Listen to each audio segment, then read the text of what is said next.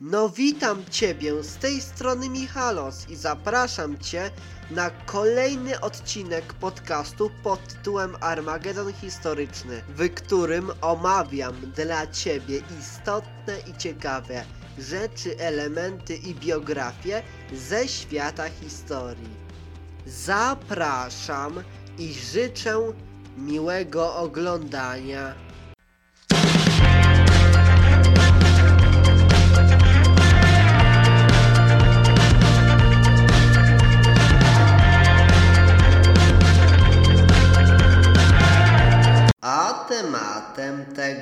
Odcinka będzie rewolucja lutowa w Rosji. Już pierwsze miesiące wojny wykazywały całkowitą nieudolność rządów carskich, a po roku walk Rosja została wyparta z olbrzymich obszarów Królestwa Polskiego, Litwy i części Wołynia. A na skutek przestarzałego i niedostatecznego uzbrojenia ponosiła straszliwe straty na polach bitew, sięgające z czasem niemal 4 milionów zabitych, a gdy niezadowolenie w społeczeństwie rosyjskim stawało się coraz bardziej widoczne, to car Rosji Mikołaj II zdecydował się na zwołanie dumy, by jak twierdził usłyszeć głos Rosji, no ale jednocześnie pozbawił naczelnego dowództwa wielkiego księcia Mikołaja Mikołajewicza, który mimo klęsk cieszył się dużym zaufaniem armii i postanowił osobiście objąć to stanowisko, a decyzja ta wobec dyletantyzmu wojskowego cara wywołała przerażenie, tym większe, że jego wyjazd na front oznaczał oddanie władzy w Imperium Cesarzowej znienawidzonej Aleksandry Fiodorowny, której pierwszym krokiem było wydanie dekretu odraczającego zwołanie dumy, a niechęć do carycy potęgował wypływ jaki miała na nią, a przez to i na sprawy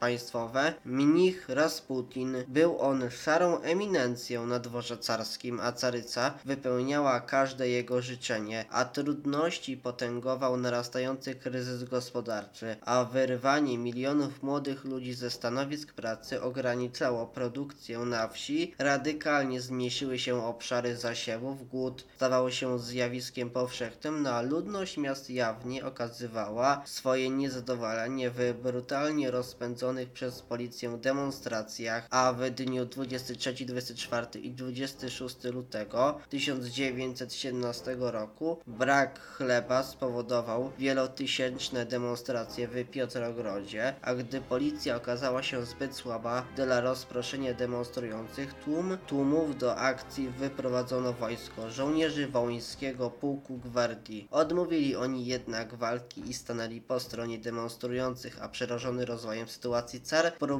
powrócić do stolicy z kwatery głównej w Pskowie, a wobec bałaganu na kolejach nie zdołał jednak tego zamiaru zrealizować, a zresztą większość generałów była już przeciwko niemu, a zaś przedstawiciele dumy zażądali jego natychmiastowej abdykacji, nie znajdując żadnego poparcia. 2 marca 1917 roku car zdecydował się na ustąpienie, kończąc w ten sposób po 904 latach panowanie dynastii Romanowów został car uwięziony, a w lipcu w 1918 roku został rozstrzelany wraz z rodziną przez bolszewików, a na wieść o abdykacji cara przewodniczący dumy w porozumieniu z przedstawicielami partii politycznych powołał do życia tymczasowy komitet dumy, który w kilka dni później przekształcił się w rząd tymczasowy z księciem Lwowem na czele, a rząd ten został utworzony w wyniku porozumienia tymczasowego komitetu dumy oraz Rady Delegatów Robotniczych i Żołnierskich w Piotrogrodzie, a stąd okres ten nazywa się często okresem dwuwładzy. Rady Delegatów Robotniczych powstawały w czasie rewolucji 1905 roku, stanowiąc wówczas organy koordynujące akcjami strajkowymi w poszczególnych fabrykach, a w roku 1917 zostały one poszerzone ze względu na toczącą się wojnę o delegatów żołnierskich, a w radach tych zdecydowaną większość stanowili delegaci znajdujący się pod wpływem eserów i mienszewików pragnący współpracować z partiami liberalnymi w kierunku budowy ustroju konstytucyjnego opartego na zasadach demokratycznych, a przedstawione wydarzenia, które przeszły do historii pod nazwą rewolucji lutowej przyjęte zostały z ulgą przez państwa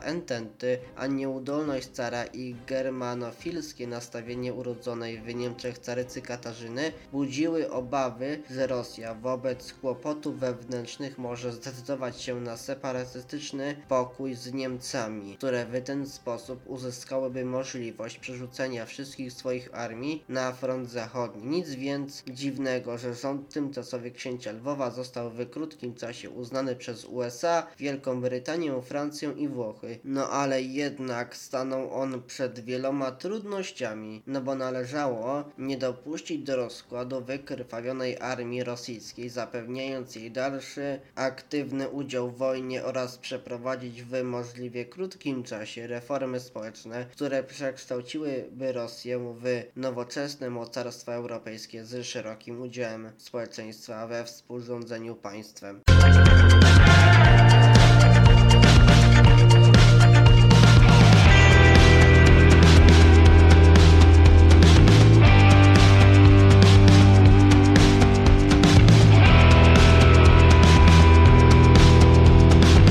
Niestety, ten odcinek dobiega już do końca. Więc bardzo bym chciał Tobie podziękować za to, że poświęciłeś swój cenny czas na ten odcinek i bardzo bym chciał też Tobie podziękować za to, że doszłeś do końca tego odcinka. A jeśli spodobał się Tobie ten odcinek, no to możesz podzielić się nim z innymi, udostępniając go na swój profil na Facebooku, na LinkedInie, na Twitterze, etc., etc. Po prostu dziel się tym odcinkiem, gdzie się da. Udostępniaj ten odcinek, gdzie się da. Nawet udostępniaj go na Messengerze, wysyłając go swoim znajomym. No dobrze, ja się z Tobą żegnam i życzę Tobie miłego poranka, miłego dnia, miłego wieczora czy miłej nocy, zależy kiedy oglądacie lub słuchacie ten odcinek. No to cześć, widzimy się lub słyszymy w następnym odcinku. Do zobaczenia, pa!